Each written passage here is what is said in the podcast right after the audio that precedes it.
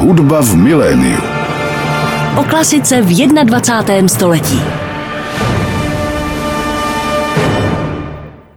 Milí posluchači, máte naladěno rádio Klasik Praha a právě začíná další díl pořadu Hudba v miléniu. Dnes v něm přivítám představitele mladé klavírní generace, pianistu, který si své nástroje také sám ladí a připravuje.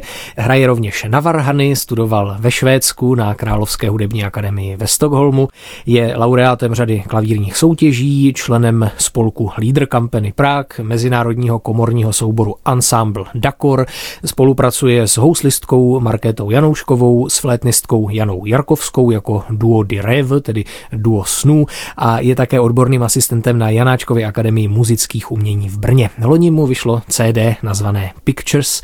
Snad jsem na nic důležitého nezapomněl. Klavírista Bohumír Stehlík je dnes mým hostem. Dobrý den. Já vám děkuji za přivítání a zdravím vás i posluchače. Tak na webových stránkách máte napsáno své moto Piano My Way, tedy klavír moje cesta. Tak jak začala ta vaše klavírní cesta a čím si vás tento nástroj jak si získal? Tak tento nástroj si mě získal asi už v dětství. Já jsem vyrůstal u babičky a babička měla takový velký pianino Bonhart, černý, strašně rozladěný. A já jsem si na něj tak jakoby začal sám ťukat tóny a různé melodie a rodiče naznali, že mám talent, takže mě poslali, jakmile jsem nastoupil na základní školu, tak mě poslali taky do Zušky a tam vlastně začala moje hudební cesta, tak dalo by se říct trošku své volně a takže už v tom rozladěném pianu u babičky byl počátek přesně toho vašeho tak, zájmu tak, o ladění. Tak, ano. Tak. Takže jak jste se to vlastně naučil? Rozhodl jste se zkrátka rozladěná piana napravovat, nebo jste na to měl nějakou průpravu, nějaké školení? Tak na začátku jsem o tom asi vůbec nepřemýšlel a neviděl jsem, že to piano je rozladěné, ale jelikož jsem hnidopich, tak postupem času jsem zjistil, že mě tam něco vadí a začal jsem se v těch klavírech rýpat, by se dalo říct. A postupně jsem zjišťoval, že vlastně to, co mě tam vadí, tak je hlavně to, že ty klavíry jsou rozladěné. A potom jsem třeba studoval na hudebním gymnáziu, kde jsem vlastně ty klavíry začal tak nelegálně ladit. Od tatínka jsem dostal ladící klíč, a různě se na to tak přicházelo, ale dalo by se říct, že mi to bylo odpouštěno a promíjeno a tolerováno. Tak kdo by se zlobil, když přijde k naladěnému pianu? No že? právě, že to nebylo k naladěnému pianu, že já jsem v tu dobu vlastně vůbec nevěděl, co a jak. Uh-huh. Jenom jsem to chtěl dostat do nějakého lepšího stavu a kdo se zlobil, no byli to ladiči. Uh-huh kteří mě občas načapali a jednou mě načapali ve třídě a bylo mi vyčiněno, že to rozhodně nemám dělat a nafotili si tu ladící kliku samodomo vyrobenou.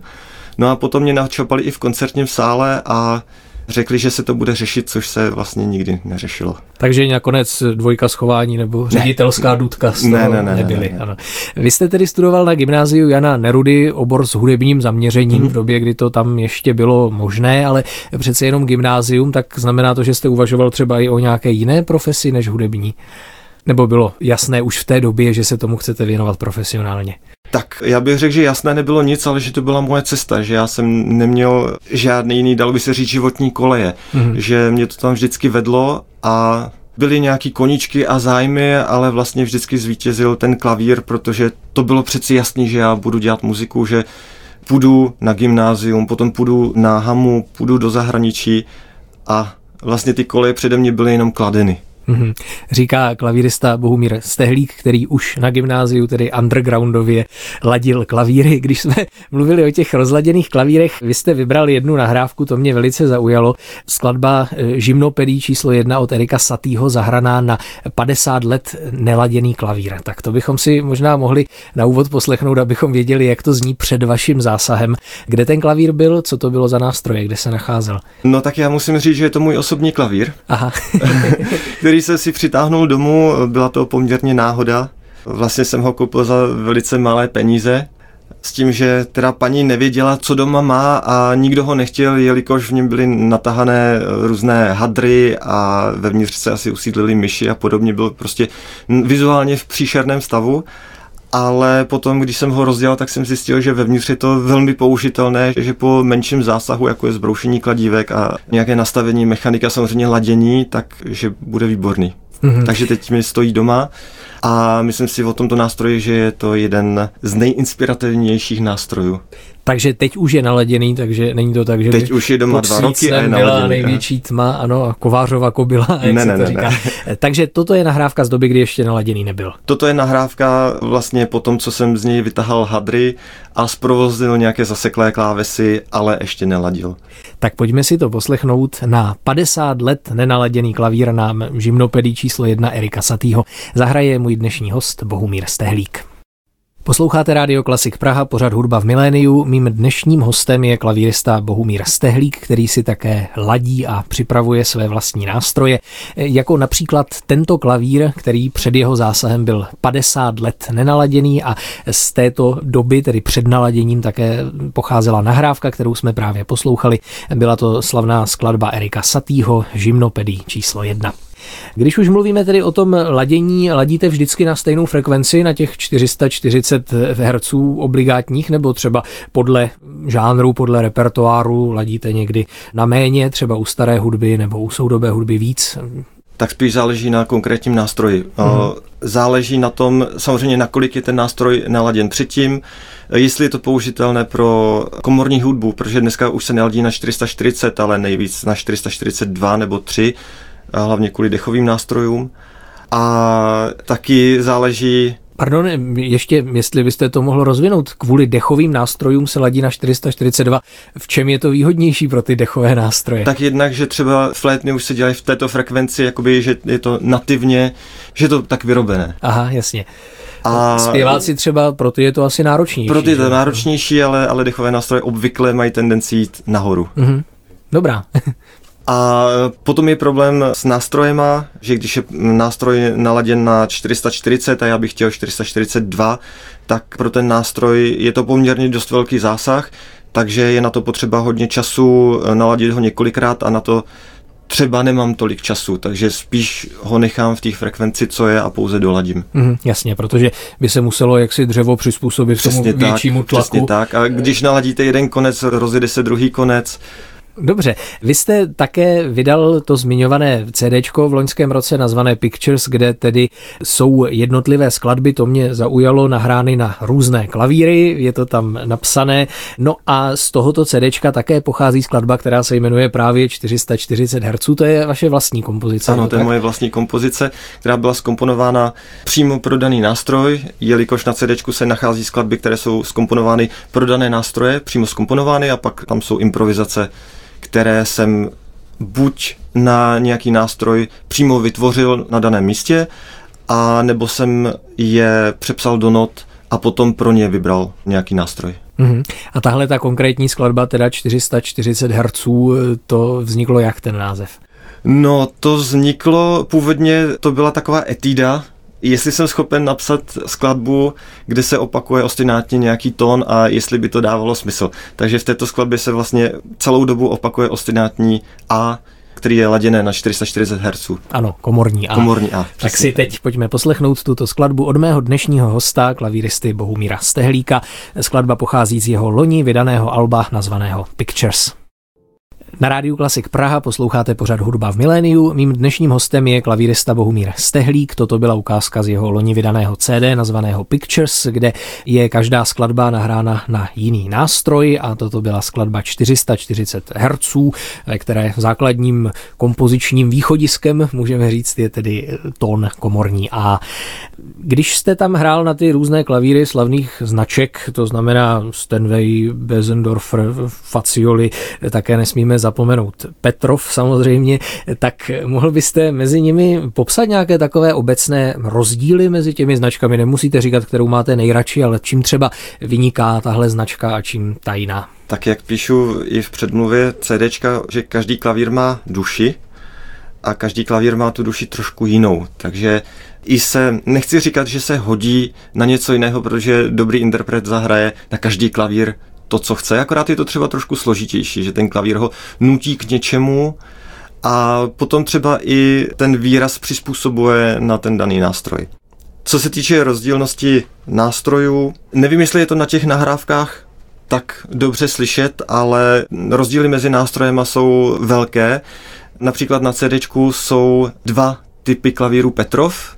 Ten první ve skladbě Kolm je jejich standardní model, který vlastně vyrábějí už někdy od 60. 70. let, což je 278. A v druhé skladbě je použit klavír Antonín Petrov 275 a ten má úplně měkoučký charakter, alespoň ten kus na který jsem hrál a hodí se třeba na hudbu Schuberta, Chopina nebo klasicistní hudbu. A právě ten starší nástroj, starší model, tak je takový bouřlivý. Já jsem to přirovnával k takovému mladému koni, který chce strašně hrát a ukázat všem, jak krásně hraje. Když to ten Antonín Petrov je takový uzavřenější, komornější, je to takový starý, moudrý pán, který jen vypráví svá moudra. Dobrá, tak zmínil jste tu skladbu Kolm, tak si ji teď můžeme tedy poslechnout. Je natočena tedy na klavír značky Petrov a nahrál ji pianista Bohumír Stehlík, který je zároveň jejím autorem na své loni vydané album Pictures. Posloucháte Radio Klasik Praha, pořad hudba v miléniu. Mým dnešním hostem je klavírista Bohumír Stehlík. Toto byla ukázka z jeho loni vydané nahrávky nazvané Pictures, skladba nazvaná Kolm, kterou natočil na klavír značky Petrov. Na tom albu tedy najdeme v podstatě výhradně vaše autorské kompozice, říkám to správně. Když byste se měl představit jako skladatel, tak jaké jsou třeba inspirační zdroje vaší tvorby? Asi zvuk těch klavírů, to je jasné, a z čeho třeba ještě vycházíte? Tak asi moje tvorba je poměrně eklektická, takže myslím si, že vycházím z romantických skladatelů až eh, po třeba moderní filmové skladatele, jako je Jan Tiersen a podobně. No a improvizace, to je samozřejmě taky zvláštní disciplína, kterou rovněž na tom albu najdeme. To jste takhle přišel ke klavíru a čím k vám ten klavír promlouval, tak to jste zrovna zkusil nějak hudebně stvárnit? Ano, doslova. Vlastně všechno jsem si nahrával sám a buď na koncertech, nebo přímo jsem se někdy domluvil, jestli by bylo možné něco nahrát, tak jsem postavil dva mikrofony, a třeba za 20 minut jsem něco nahrál, zbalil mikrofony a odešel. Takže co mě vlastně ten nástroj řekl, tak to jsem vlastně předal do té muziky. A tu improvizační disciplínu, to jste si odnesl tedy z toho varhanického jaksi umění, kterému jste se taky věnoval nebo věnujete. Dalo by se říct, že ano, i když varhaní improvizace a klavírní improvizace jsou dva rozdílní světy. A v čem? Tak například, že u varhaní interpretace je hodně velká dávka polyfonie, musím nějakým způsobem vést všechny hlasy, když to u klavíru můžu zmáčknout, dal by se říct, zmáčknout pravý pedál a dělat nějaké nálady. A efekty Hmm, hmm. Ano, no, nálady tečka. Ano, varhany mají také pedály, ale tam to funguje samozřejmě trochu jinak. No a když tedy improvizujete, tak máte nějaký třeba systém práce s tím hudebním materiálem, jak to třeba dělají jazzmeni, že vycházejí z nějakých stupnic, nebo jakým způsobem improvizujete? Já musím říct, že nemám skladatelské vzdělání, hmm. takže de facto je to to, co ke mně přijde to, co jsem si odnes ze skladeb, který jsem hrál mm-hmm. a potom eh, momentální nálada. Například já velmi, velice rád improvizuju v noci, takže už zde hraná skladba Kolm.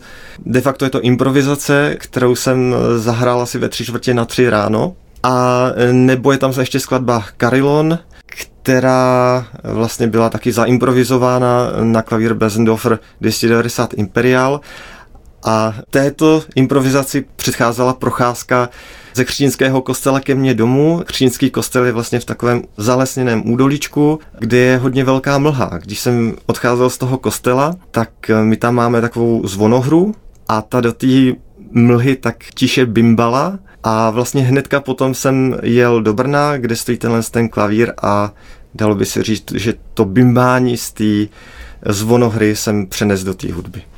Tak si pojďme teď to bimbání také poslechnout. Bude to tedy skladba mého dnešního hosta Bohumíra Stehlíka nazvaná Karilon, která je inspirována zvukem zvonohry.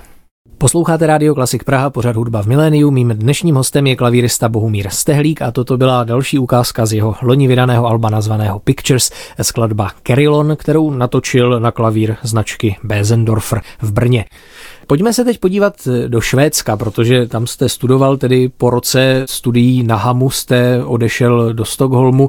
Čím to bylo motivováno? Chtěl jste se podívat prostě zkrátka někam do zahraničí nebo jste jel za něčím konkrétním právě do toho Švédska?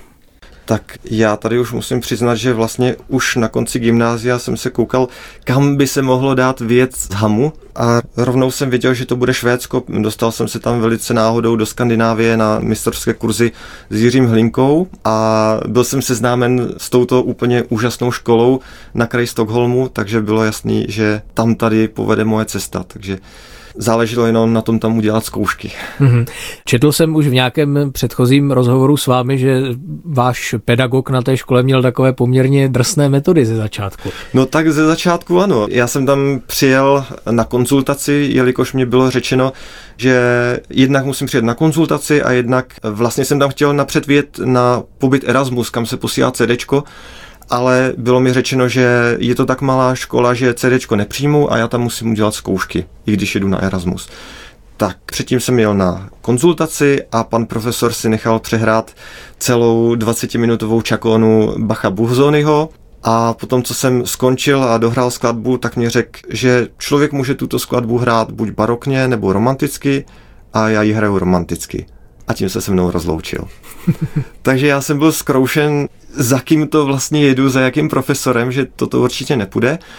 Zkoušky jsem udělal a na školu jsem nastoupil a vlastně výuka probíhala tímto způsobem a trošku autoritářsky první tři hodiny a já jsem na čtvrtý hodině řekl, že to takhle nechci, že to hrát takhle nebudu, že to tak necítím. A milý pan profesor Mac se zamyslel, řekl dobře, ukončil dřív hodinu a další hodinu přišel s úplně jinou náladou, otevřen a řekl mi, že dobře, můžu si hrát cokoliv instinktivně, ale musím mu to vysvětlit hudební teorií. A když mu to vysvětlím, proč konkrétně to chci dělat, tak že to bude akceptovat a že mě bude respektovat. A od té doby se náš vztah úplně změnil a vlastně celých šest let jsme byli de facto kolegové a jsem strašně šťastný, že jsem tam mohl studovat pod takovýmto neegoistickým profesorem. Mm. Vy sám konec konců také působíte ve školství, jste tedy odborným asistentem na Janáčkově akademii muzických umění, takže tam děláte především klavírní spolupráci. Chtěl byste se třeba věnovat jaksi i výuce klavíru jako takového? Tak samozřejmě chtěl, je to hodně velká zodpovědnost ale tato práce učitele klavírní spolupráce je velmi náročná, protože člověk se musí stále učit nové a nové věci nový a nový repertoár a zvlášť třeba u fléten, flétny po mně chtít novou skladbu každý tři týdny, každý student chce novou skladbu každý tři týdny. Uh, tak je to hodně náročné na cvičení a na pojmutí toho repertoáru. Zase nejsem hlavní pedagog těchto nástrojů, takže ta zodpovědnost není tak velká. Mm-hmm. Mám hodně velkou dávku volnosti. Mm-hmm. Co se týče třeba spolupráce tedy s jinými instrumentalisty, tak vy tedy jednak, jak jsem se dočetl na vašich webových stránkách, spolupracujete s houslistkou Markétou Janouškovou, jednak s flétnistkou Janou Jarkovskou jako duo Di Rev. S tou jste tedy nahrál tu skladbu, kterou jste tady přinesl od Antonína Rejchy, je to tak? Ano, takže to je sonáta G-dur pro klavíra flétnu, ze které si teď poslechneme třetí větu Allegro Viváče. Hraje můj dnešní host Bohumír Stehlík a na flétnu Jana Jarakovská. Posloucháte Radio Klasik Praha, mým dnešním hostem je Bohumír Stehlík a právě jsme slyšeli skladbu Antonína Rejchy, třetí část Allegro Viváče ze sonáty G-dur pro klavír a flétnu, kterou Bohumír Stehlík nahrál spolu s flétnistkou Janou Jarkovskou jako duo di Rev. Jak dlouho už spolu vlastně spolupracujete, jakou má tradici tady to duo? No, toto duo má tradici vlastně, myslím si už 12 let. Ono se to tak už špatně počítá. Jak už je to přes 10 let, tak se to špatně počítá. No, začátky byly těžké, než jsme se zžili, ale nyní musím říct, že Jana je úžasná instrumentalistka, úžasná osobnost a že je jedna z mála, možná jediný člověk, se kterým se mi opravdu dobře hraje. Že u ostatních, například u studentů, flétnistů, flétnistek, cítím, jak dýchají oni, ale oni necítí, jak dýchám já. A s Janou se stalo něco, že dýcháme skutečně spolu a že když třeba hrajeme na koncertě, tak cítím, že do toho jdeme opravdu společně. Mm-hmm. Takže je pro vás pohodlnější hrát jaksi sám, než v nějakých duech nebo komorních uskupeních? A tak to zase nemůžu říct, protože když hraju sám, tak tam nemám žádný křoví, za který bych se schoval. ale musím říct, že asi nejpohodlněji se mi hraje právě s Janičkou, se kterou hraju už tak dlouho, že jsme skutečně zžití. Mm-hmm. Tak když už mluvíme o té spolupráci s dalšími interprety a tedy řekněme doprovodu, jestli to není zprosté slovo v tomto případě, tak vy také jste členem spolku Leader Company Prague, se kterým budete vystupovat na koncertě 10. prosince tady na Smíchově v klubu Salsita, kde zazní tedy písňový repertoár romantický v podání mezosopranistky Jany Hrochové a baritonisty Robina Červinka. Tak jaký je vlastně váš vztah tedy k písním a jak jste se dostal konkrétně tedy k této práci? Já musím říct, že jsem se k tomu dostal jak slepý k houslím. Jelikož jsem spolupracoval převážně s instrumentalisty a nikoli se zpěváky, tak vlastně nabídka Honzi Duška, jestli chci být součástí tohoto spolku, tak mě překvapila, ale překvapila mě velice příjemně. Ono totiž dneska ten hudební život je poměrně složitý a když potom přijde takováto nabídka, dalo by si říct, práce zadarmo, pro kterou já nemusím nic udělat, jenom nacvičit ten koncertní repertoár. No, práce zadarmo zní trošku blbě, ale myslíte jako práce snadná, ne, že by byla neplacená. Ne, já, ne, já nemůžu říct, že je to práce snadná, ale práce, kde pouze přijdu a naučím se ten repertoár. Jasně. Nemusím zařizovat žádný koncerty, nemusím vlastně nic pro nikoho dělat, tak to je dneska opravdu za odměnu.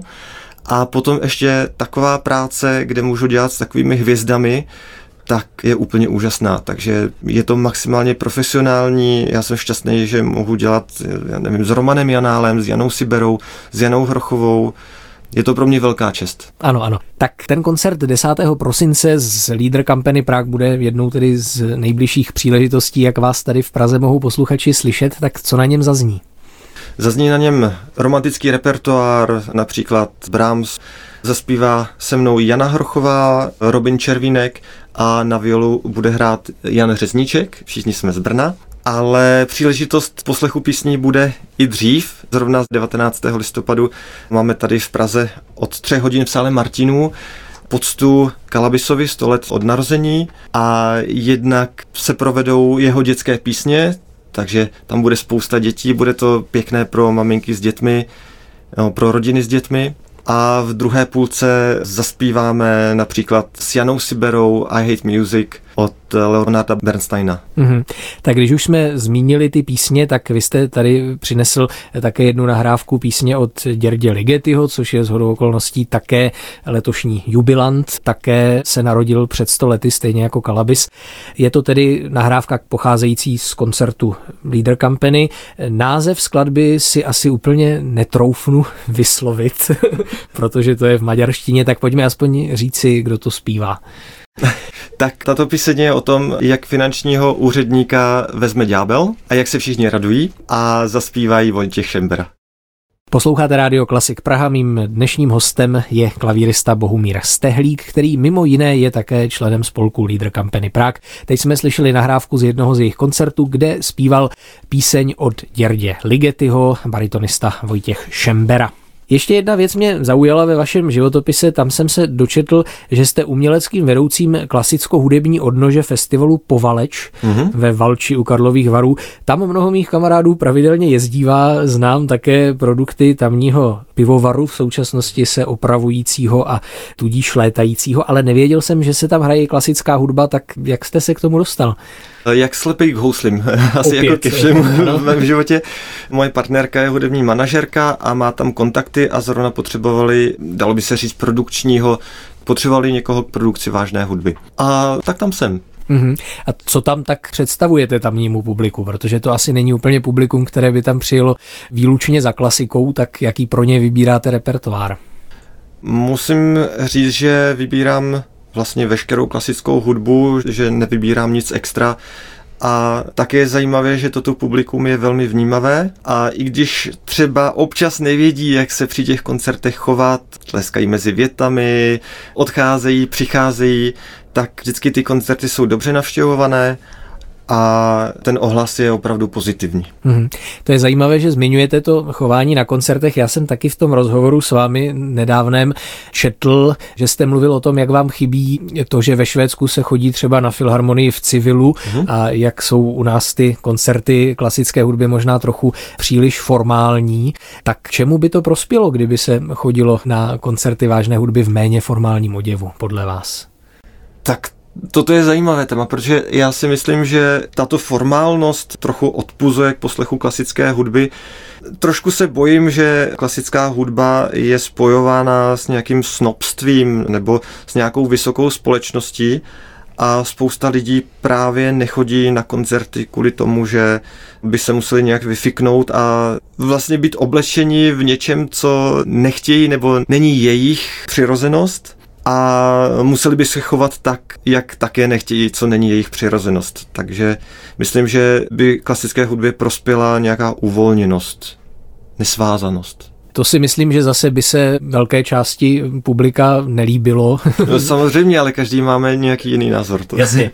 Zažil jsem třeba stížnosti, jak tady chodí do Rudolfina někteří turisté, jaksi v kraťasech a v nevhodném oděvu. Tak nemyslíte, že to třeba na druhou stranu jak si upevní pozornost toho publika, že když už se tedy rozhodnou na ten koncert jít jako na nějakou společenskou událost, takže zároveň je to možná donutí k trošku většímu zájmu, taková výjimečnost té situace? Tak samozřejmě, myslím si, že je to svobodné rozhodnutí a když se někdo tak chce vyfiknout, je to jenom pěkné. Mně se to líbí, mm-hmm. ale potom je problém, když se nejde za tou hudbou, ale jde se pouze se ukázat do společnosti a to se potom s tím pojí i politika a, a tak dále, což s tím nesouhlasím a přijde mi to vlastně nechutné a trochu znásilnění té klasické hudby k nějakému jinému záměru, než je určena. Rozumím.